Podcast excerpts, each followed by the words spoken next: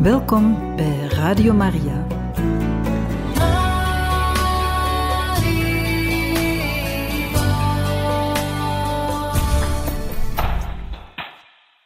Welkom, beste luisteraars, in het programma Catechismus. Vandaag kan u verder luisteren naar een catechese-reeks met als titel Redenen om te geloven, gebracht door priester Michel Esparza. Beste luisteraars, wij beginnen aan de derde aflevering van de reeks Redenen om te geloven.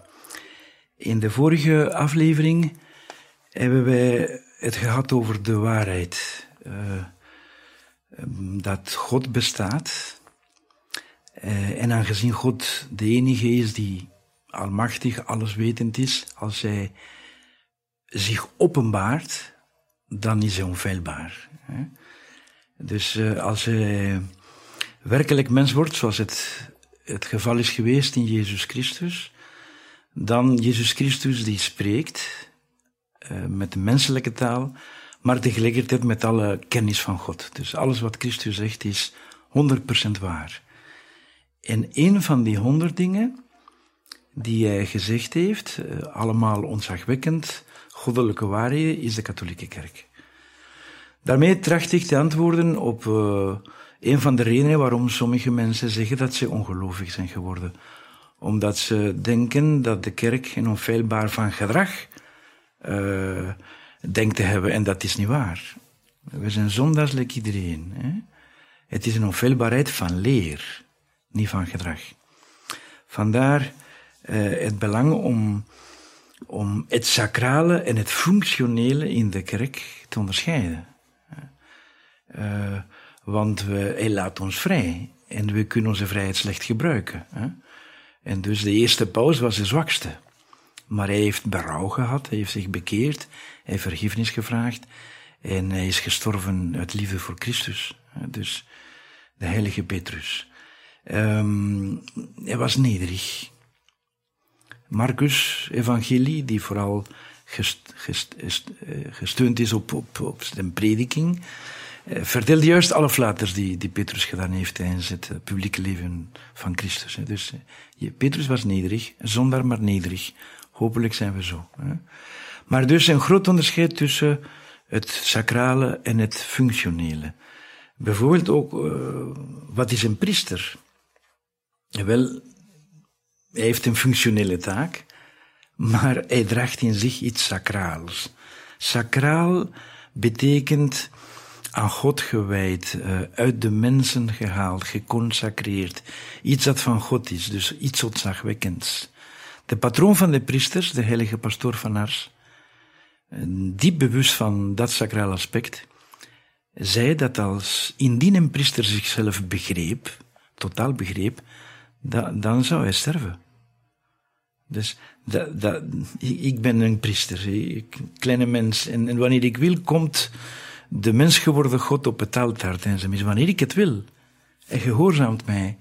En als ik aan iemand zegt, ik vergeef u van uw zonde, dan doet hij het. Dat is ontzagwekkend. Dus de priesters moeten zeer gewone mensen zijn, uh, maar uh, zeer uh, verliefd op, op, op, Christus, met een ongelofelijke liefdesband. De priesters en alle, en alle christenen, hè? Maar natuurlijk, de, de priesters worden meer, meer gezien en, en, en, en vandaar. Dus uh, de kerk gedurende de laatste twintig eeuwen is voortdurend aan hervorming toe. Want we zijn een beetje zoals, zoals de Joden in het Oude Testament. Telkens uh, beloven we, we gaan trouw zijn aan Yahweh en zo. En daarna, um, en daarna zijn ze ontrouw. Uh, wel, in, in de twintig eeuwen van de geschiedenis van de katholieke kerk zijn voortdurende momenten van, van renovatie. Omdat het, uh, ik denk nu aan de 11e eeuw met de Gregoriaanse uh, renovatie van de kerk, uh, die totaal onder de greep van de politieke macht was. En, en, en een moedige paus heeft het, heeft het bekomen, niet zonder veel moeilijkheden, van, van los te komen van de aardse macht en zo. Um, wel, en zo regelmatig, en nu denk ik zitten we aan, aan zo'n moment ook, aan een renovering. Uh, een renovering, dat betekent niet de klok terugdraaien, die betekent naar de bronnen te gaan, zoals zoals Gregorius, de Gregoriaanse renovatie in de 11e eeuw gedaan heeft. Laten we kijken naar de, naar de apostelen en naar de kerkvaders. De eerste heilige geleerde mensen om te weten hoe, hoe wij ons zouden moeten gedragen. Hè. Maar daarom, ik denk dat er meer en meer stemmen opgaan in de richting van uh, laten wij naar de bron teruggaan. Hè? Want anders, uh, uh, men ziet te veel het functionele en te weinig het sacrale. En dat, dat trekt niet aan. Ik zie dat zeker bij jonge mensen, als, als het niet te maken heeft met goddelijke mysteries, dat is niet aantrekkelijk. Dat is wat boeiend is, wat zingeving kan geven aan ons leven. Hè? En niet zomaar reduceren tot een louter menselijke aangelegenheid. Hè? Er, is, er is een paar dagen geleden een boek verschenen. Ik ben het aan het lezen van een, een priester van Bisdom Gent. Over de figuur van, van de zalige Edward Poppe. En ik ben begonnen te lezen. Ik vond dat heel interessant. Gisteren las ik dit bijvoorbeeld. Hij zei. En priester, hij zegt zoals nu de mode is van de priesters. Hè? Dus van, een priester moet vooral sociaal zijn. Um, vlot in de omgang met niet, en niet te veel vragen stellen. Hij moet een aangename gesprekspartner zijn aan de veelvuldige vergadertafels waaraan hij, waaraan hij moet zitten. Elke zweem van devotionalisme is bijvoorbeeld verdacht. En dan vraagt hij zich af, kan er echter iemand serieus beweren dat het gebrek aan heiligheid van de klerus niet het probleem is van de, van de dag? Van de dag en van gisteren en van morgen. En uh, dus de kerk heeft uh, de middelen om, om, om, om, om de heiligheid mogelijk te maken, opdat we werkelijk uh, volmaakt worden in de liefde, want dat is heiligheid. Dat is ik ben beter dan weet ik. Nee, dat betekent niet, dat betekent niet van ik ben een heel belangrijke, ik word een heilige. Nee, nee, nee, nee. Een heilige is iemand die volmaakt bemint. En dus het best Christus imiteert. En dat kan niet zonder een speciale genade. Hè? Dus, uh, oké. Okay. dus de kerk als mysterie. Um, ik haal nog deze woorden aan van Johannes Paulus II, de heilige Johannes Paulus II, toen hij op bezoek kwam in België in 85, eh, zei hij, um, het was een toespraak op 17 mei 85, in Namen denk ik was het. Hij zei, jammer genoeg is de kerk nooit zonder vlek of rimpel. Maar het is aan de kerk dat Jezus zijn blijde boodschap heeft toevertrouwd, als ook de normale wegen waarlangs zijn genade ons bereikt. Dus um, de Heer wou de kerk um, met twee uh, bedieningen, zeggen soms maar, liever ambten, hè, die, die sacraal zijn, zorgen voor de waarheid te behouden, die die als een geloofschat heeft ontvangen van Christus bewaren, trouw zijn aan, aan, aan die geloofschat. En ten tweede de middelen geven opdat alle gedoopten tot de volmaaktheid van het christelijk leven zouden kunnen komen, volmaakt zouden kunnen beminnen. Dus klaar om naar de hemel te gaan. Hè. Dus uh, dankzij de kerk uh, kan er eenheid zijn onder ons. Hè. Ik, ik, was geboeid bij het lezen van de een boek van een Amerikaan, Scott Hahn, die, die evangelisch was geweest. Uh, en, uh, en die iedereen wou overtuigen om evangelisch te worden. En door de theologie te bestuderen heeft hij gezien dat ja, ja de, de waarheid, de grote waarheid, dus bij de katholieken zat. Christus heeft onder dingen gezegd. En dan is er een mens die zegt nee, volgens mij zijn er maar 98. Uh, en dan komt Luther, ook een mens, die zich kan vergissen. En die zegt, nee, nee, nee, nee, alleen maar 94. Zes heeft de kerk toegevoegd. Dan komt Calvijn, oh nee, nee, nee, nee, beter maar 91 van die 100. En dan later een, een methodist, John Wesley, die weet ik wat zegt, en een adventist, William Miller, en Ellen White, een mormoon, uh, of, of Joey Smith, eh, de Mormonen, of uh, Russell, die, die de getuige van Jehovah gesticht heeft. Allemaal goede mensen, met de beste bedoelingen. Maar het zijn mensen. De katholieken, we zijn de enigen die enkel en alleen geloven per dominum nostrum Jesum Christum. In, in, in Jezus Christus, onze Heer. Ja, maar jullie geloven ook in wat de mens zegt. Kijk wat de paus en zo zegt. Ja, maar, maar, maar de enige die zich niet kan vergissen, heeft op voorhand gezegd dat we naar die wel moeten luisteren in bepaalde omstandigheden. En hij kan dat. Hij kan ervoor zorgen dat hij onfeilbaar blijft in die definitieve geloof, uh, geloofsinhoud. Dus een grote uh, inzicht. Wel, Scott Gandhi schreef. Uh, sinds het begin van de Reformatie zijn er meer dan 25.000 verschillende protestantse kerkgenootschappen ontstaan. En volgens deskundigen komen er elke week vijf nieuwe bij. Ieder van deze genootschappen maakt er aanspraak op de Heilige Geest te bezitten en de schrift van nabij en nauwkeurig te volgen. Zeg je dat dat is wat Christus heeft proberen te vermijden toen hij bad in, in het laatste avondmaal voor de eenheid onder de christenen. Dat, dat er een eenheid zou zijn in de waarheid en in de liefde. Maar eerst in de waarheid. Dus we geloven in wat hij gezegd heeft, maar als een mens iets anders zegt, sorry, met alle respect, maar hij kan zich vergissen. Oké, daarom is de, de zeer dankbaar te weten dat de kerk bestaat en dat het een diep geheim is. Dat uh, we zijn nu in een voor, voorgaande fase uh, van nieuwe mensen die op aarde komen, we weten niet wanneer. We weten dat er ooit deze wereld eindigt en dan, en dan zal de kerk in al haar eh, heerlijkheid verschijnen in de hemel als de familie van de kinderen van God. En die, die voor eeuwig samen zullen genieten van God en van elkaar. Dus uh, dat is de, dat is de, de katholieke kerk. Goed. Dus dat, tot daar uh, samenvatting van de vorige aflevering.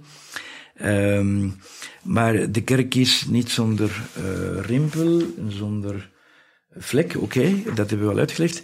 Maar anderen zeggen, um, ik kan toch niet in God geloven als ik zie uh, hoeveel kwaad in de wereld is. Je kijkt naar de mensen. Op het minste maken ze ruzie. Uh, er is zoveel onrechtvaardigheid. Er is, mm, als, je, als je kijkt wat er allemaal in de, in de, in, op aarde gebeurt, vrouwenhandel, kinderhandel, pff, sociale onrechtvaardigheid, sommigen die alles willen hebben en niets voor de anderen. Enfin, dan stel je de vraag, allez, heeft God de wereld niet slecht geschapen. En zo komen we in een tweede onderwerp dat uh, heel belangrijk is naast de openbaring. De ministerie van de waarheid komen nu in het ministerie van de heiliging. Dus de verlossing. En we gaan stilstaan bij de oorsprong van het kwaad en daarna de zin, de christelijke zin van het lijden.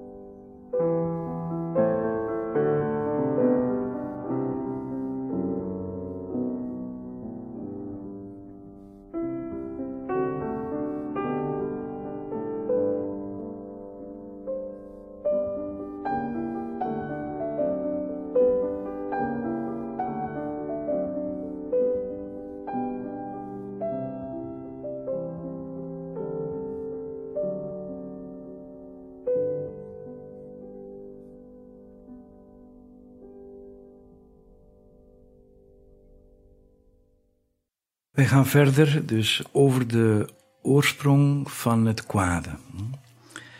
Vaak zijn er mensen die het bestaan van God afwijzen omwille van de evidentie van het kwaad en het lijden. Maar in feite is dat intellectueel niet eerlijk. Uh, het is, denk ik, zelfprojectie. Zoiets als, als God bestaat, dan moet hij zijn zoals ik verwacht dat hij is. Er is weinig ontzag en respect daar. Uh, ik, ik, denk dat het niet eerlijk is. Ik, wel begrijpelijk dat mensen zich dat, die vraag stellen. Um, want ik vind het oneerlijk omdat het probleem van het lijden komt pas aan de beurt na het aanvaarden van Gods bestaan. Alleen dan heeft het zin die, die, die vraag te stellen. Immers indien God niet bestond, is alles sowieso zinloos. Een passion inutile, zei Sartre. Dus een, een, een trekt op niks. Het maakt geen, geen zin. Hè? Dus het is pas wanneer we aanvaarden dat God de schepper is, dat we, dat we niet af, afkomstig zijn van een toeval of zo, van, uh, dat dat trouwens niet kan. Enfin, uh, nee, dat, dat wij er zijn omdat God gewild heeft dat we er zouden zijn. En dan zie je wel dat qua, dan stellen we onze vraag, Heer, hoe komt dat? En, en, en dan zeggen wij, er zal een uitleg zijn. Ik ken dat zo meteen niet.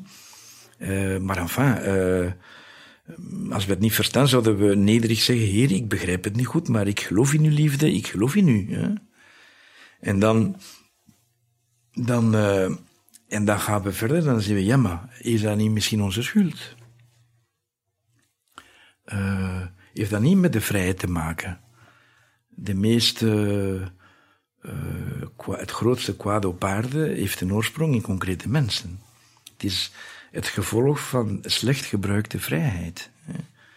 Maar enfin, vooraleer we uh, spreken over deze materie, eerst een klein uh, voorafgaand iets, namelijk het gaat over kwaad en lijden. Dat zijn zeer serieuze mysteries. En als iemand lijdt, dan, dan moeten we zeer fijngevoelig zijn om met iemand te spreken die aan het lijden is op dit moment. Wanneer we wanneer we lijden, dan kunnen we zo heel verward geraken. En moeten begrippen, we, ik zie dat vaak als iemand jong overleden is en, en ik spreek met, met de ouders en ik laat hem maar zeggen, want ze zijn aan het, zich aan het afreageren. Ze zijn aan het verwerken en het is zoals een, ze zijn in shock. Hè? Uh, dus deze dingen kunnen we rustig nu bedenken. Maar mm, we moeten de voornemen nemen om nooit lichtzinnig te spreken over dit onderwerp. Ten eerste omdat het lijden uh, van iemand anders mm, onmogelijk te beseffen is door ons. Dus we moeten heel veel respect hebben voor mensen die lijden. Want eh, als het batie volledig was, dan konden we... Hè? Ook omdat het een groot mysterie is. Hè? De, ik deed mijn thesis over Edith Stein. Uh, en die, haar laatste boek heette Kruiseswissenschaft, dus wetenschap van het kruis. Dat is een fijne wetenschap. We weten er niet alles van, hè, maar het is hoe dan ook een heel een heel diep geheim. Hè? En omdat het een, ja, het is uh, een mysterie die, die, die men soms begrijpt wanneer dat men het zelf beleeft. Hoeveel goed eruit kan komen en zo. Hè? Dus uh, uh, ja, je moet, je moet het existentieel meemaken. Hè? Je ziet van buitenaf een moeder die bijna slaapt een hele nacht naast een ziek kind in een, in een ziekenhuis. En dan zeg maar, hey, hoe garmen, ik kan niet in slapen. Maar eh, vanuit haar bekeken ziet het er heel anders uit. Ik ben hier met mijn zoon, of met mijn dochter die ziek is. Ik, ik, ik ben gelukkig van naast, na, naast hem of naast haar te zijn. Moest hij wakker worden, dan ziet hij mij. Dus um, het probleem van het lijden heeft veel te maken met de liefde zelf. Uh, en ook de oplossing die Christus geeft aan, aan dit vraagstuk eh, door te sterven aan een kruis, uh, is, um, is in verbinding, is in contact, heeft te maken met de liefde. Hè? Johannes Paulus II, juist bij de, de mysteriëren van Edith Stein, wanneer ze heilig verklaard werd, zei, de liefde maakt het lijden vruchtbaar. En het lijden verdiept de liefde. Dus liefde en lijden gaan dikwijls samen. Maar we komen er wel toe. Hè. Eerst onze vraag, hoe komt dat er zoveel um, uh, kwaad is in, in, de wereld? En, en uh, laten we daar gevoelig mee zijn. Hm? Er was een monseigneur in Frankrijk, Monsignor Feltin, die, die zei, zeg toch, zeg toch tegen de, de priesters dat ze niet zo gemakkelijk zouden praten over het lijden. Ze weten niet wat het is. Hm? Of het voorbeeld van Louis, die persoon die conferenties gaf over het lijden. Het lijden is iets dat God gebruikt om de mensheid wakker te schudden en zo. Totdat hij zelf, uh, hij trouwde en zijn vrouw had kanker en die overleed heel jong. En dan, dan begon hij een beetje met meer respect daarover te praten. En, en hij heeft een boek geschreven die fantastisch is en zeer moedig. Uh, een Observed Pain, of Grief Observed, wanneer hij vertelt hoe hij de dood van zijn vrouw verwerkt heeft. En dan zegt hij dingen zoals, uh, wat bedoelen de mensen wanneer ze beweren, ik heb geen angst voor God, omdat ik weet dat hij goed is. Zijn ze eens bij de tandarts geweest, zegt hem. Dus, uh, maar wij gaan zien dat God geen, leed stuurt. Hij, is totaal onschuldig van het leed en het kwaad op aarde. De enige schuld die hij zou kunnen hebben, is dat hij, in plaats van alleen maar plantjes en diertjes te scheppen, maar daar had hij niks aan. Ik bedoel, uh, hij schept personen, mensen of engelen nog volmaakter, om, om met ons in contact te treden en een liefdesrelatie te hebben. Hm? Maar uh, je kunt niet uh, mensen scheppen voor de liefde zonder vrijheid. Dus wij zijn onvolmaakt en toch vrij. En dus als God ons schept, dan mede schept hij ook de mogelijkheid van het kwaad, omdat de mensen uw vrijheid slecht kunnen gebruiken. Dat is de, de oplossing. Het kwade komt niet van God, hebben wij zelf ingevoerd. En als hij toch beslist heeft, hij die zo wijs is om de, om de, om de wereld toch te scheppen, weten dat er zoveel onheilig in zijn en zo, dan is het zeker ergens de moeite waard geweest. En dan heeft hij ook uh, het plan al uh, gemaakt van, van het te komen zelf uitleggen en zelf oplossen.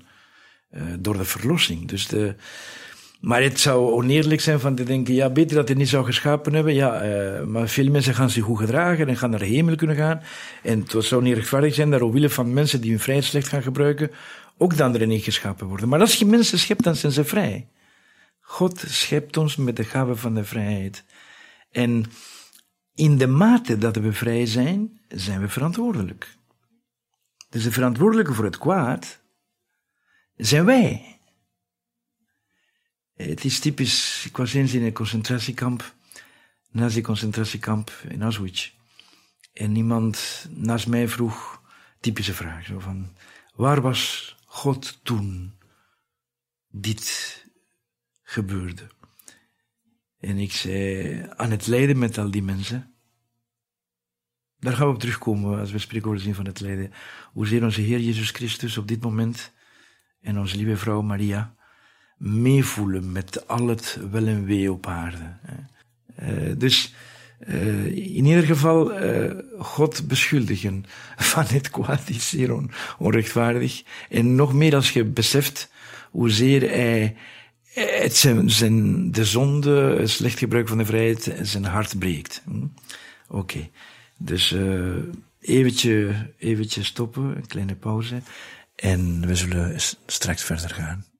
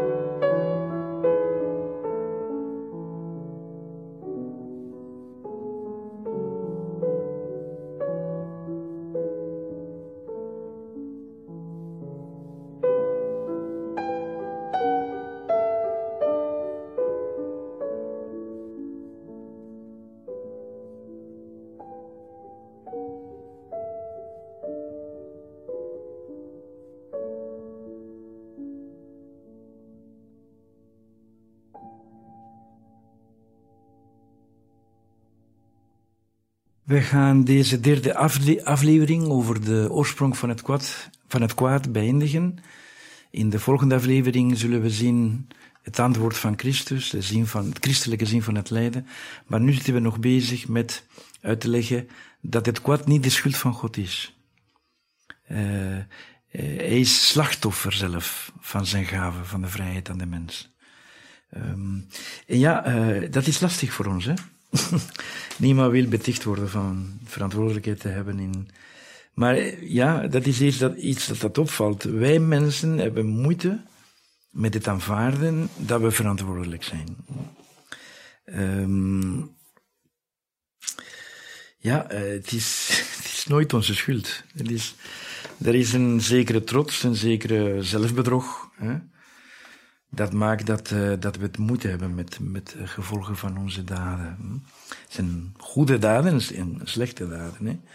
Uh, we gaan straks zien dus dat de, de allereerste vrije daad, uh, kwade dag, kwade daad van de geschiedenis bijzonder belangrijk is geweest en, en onze natuur verstoord heeft. Hè? Wat men de erfzonde noemt. Maar voordat we daar komen, eh, laten we, laten we eerst uh, proberen te beseffen dat het aan ons ligt, nu nog, dat ieder, hoe vrij ieder is, alleen God weet het. Daarom kunnen we mensen nooit oordelen, weldaden. Zo zegt iemand tegen u, uh, ja, ik heb een abortus gepleegd. Maar dan judge me. Ik zeg natuurlijk, ik ga u niet oordelen. Als je dooroordelen betekent uh, gaan zeggen of je schuldig bent of niet. Dat, dat kan ik niet weten. Maar, maar ik mag toch ook spreken over de daad, of ik het goed of niet goed vind. De daad. Onafgezien dat jij het gedaan hebt. Hè. Dus het is meteen, don't judge me. Hm? Uh, dat is de typische menselijke reactie. Um, het is gek, zelfs de mensen die die niet veel tijd besteden aan reflectie, aan, aan, uh, aan nadenken, aan bezinning en zo. Als je zou vragen, ben je katholiek en uh, is het lang geleden dat je te biechten bent gegaan? Poch, als ik zou gaan, ik weet niet waarover ik zou kunnen biechten, want ik doe niemand kwaad. Dat hoor je zo vaak. Ik doe niemand kwaad, ik doe niemand kwaad. Um, maar dus, eh, het is een zeer tragisch onderwerp? Want het kwaad is kwaad en, ligt aan de oorsprong van ongelooflijk veel pijn. Uh, het voorstaat te kijken naar bepaalde mensen die ongelooflijk veel pijn hebben kunnen doen in één leven alleen. Dan, dan denk bijvoorbeeld aan de, aan de, ja, aan de Holodomor. Hè. Nu kent men dat beter met de oorlog tussen Rusland en Oekraïne. Hè. Dus, dus uh, tussen 1973, 37 sorry, en 41 op vier jaar kregen 11 miljoen mensen een schot in de nek. Nee, dat is de Holodomor niet, dat is daarna. Hè. In Rusland, Stalin heeft 11 miljoen mensen uh, doen vermoorden.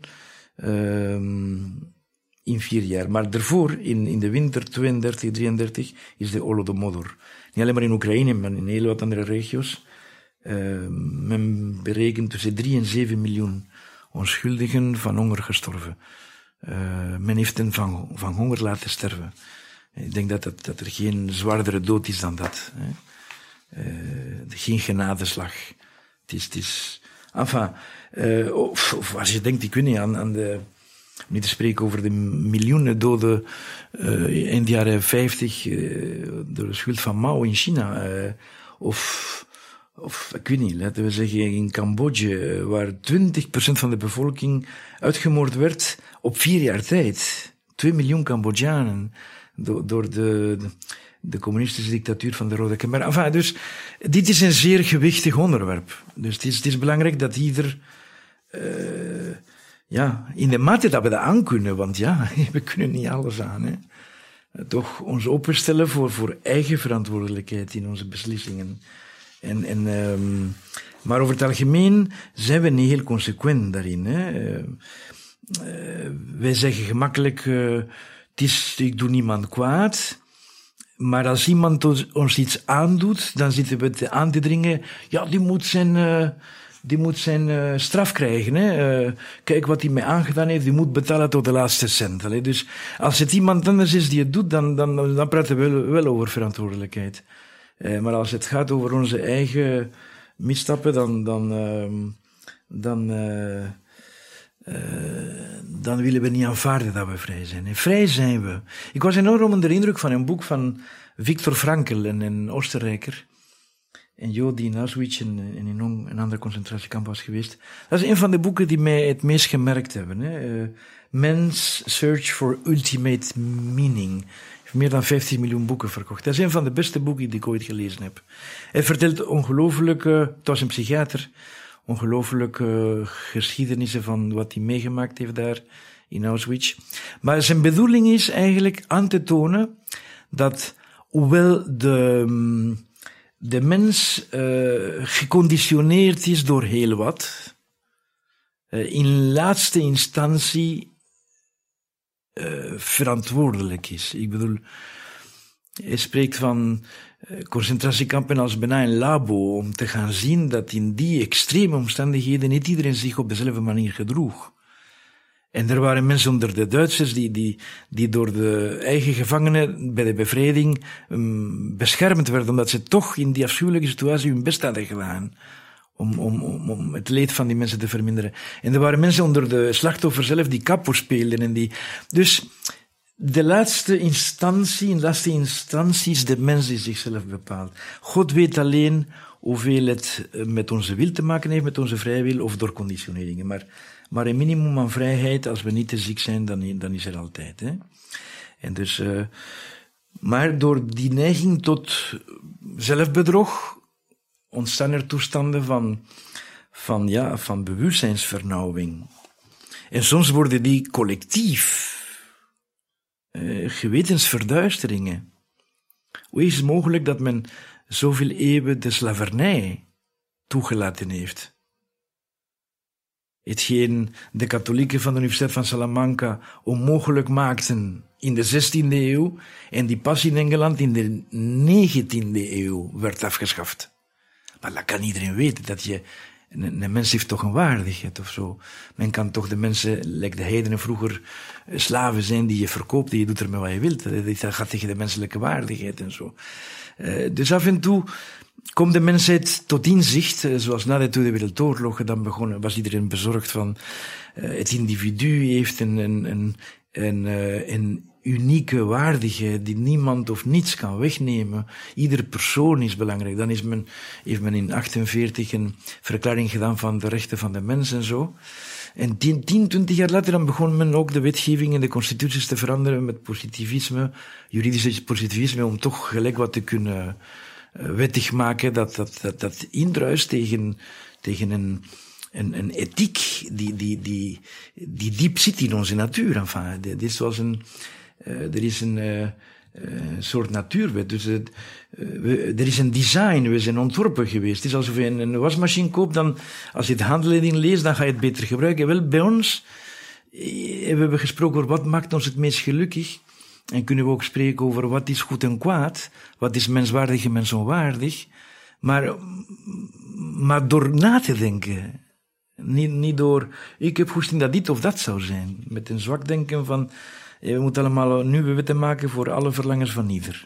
Nee, wat is menswaardig, wat is mensonwaardig. Maar goed, in ieder geval, uh, na dat gezegd hebben, uh, wel, het schijnt, we weten het via de openbaring, anders zouden we het nooit geweten hebben.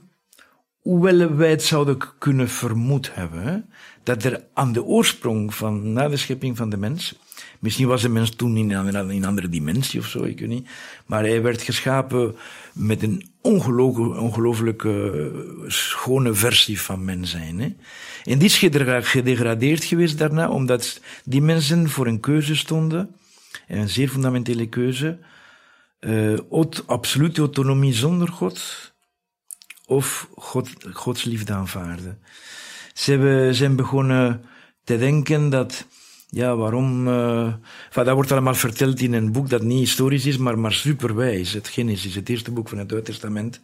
En dan, die worden dan bekoord door, door de slang.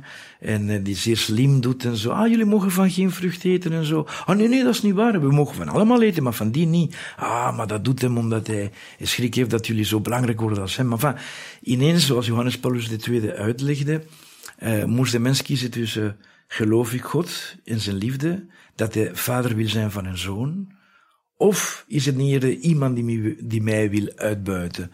Is een wantrouwen ontstaan tussen de mens en God. En dat heeft onze natuur uh, grote schade aangebracht.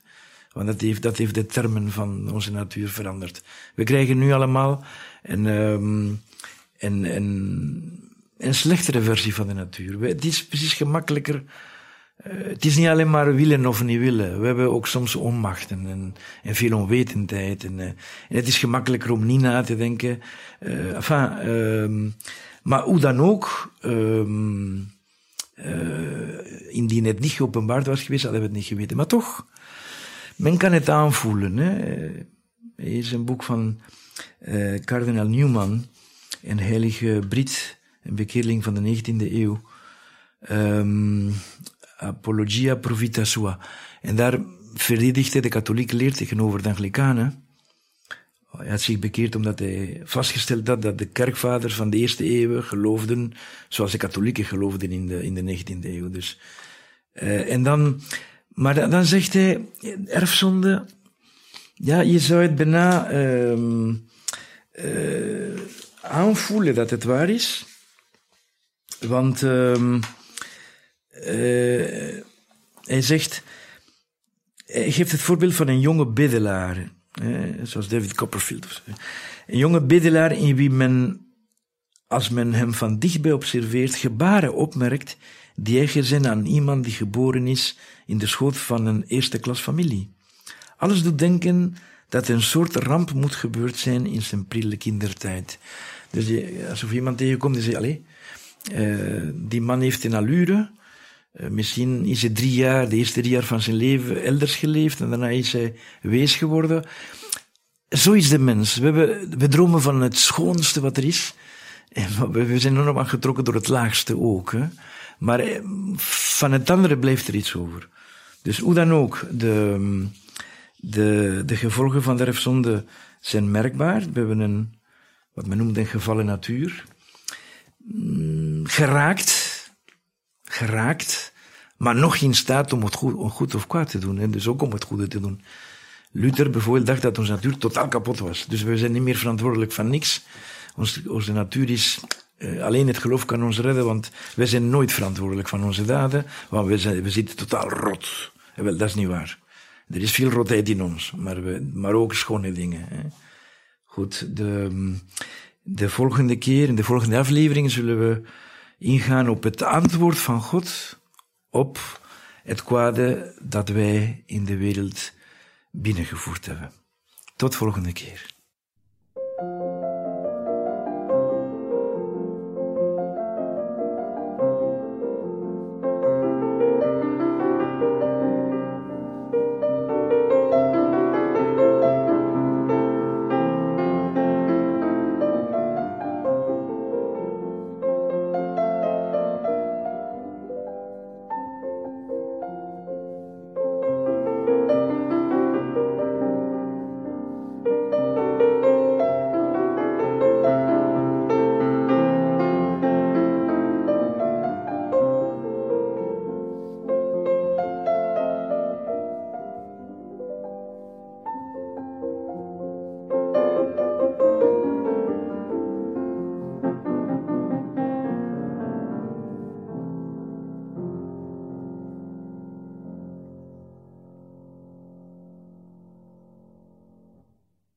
Tot zover het derde deel in een catechese-reeks van zes delen met als titel Redenen om te geloven, gebracht door priester Michel Esparza.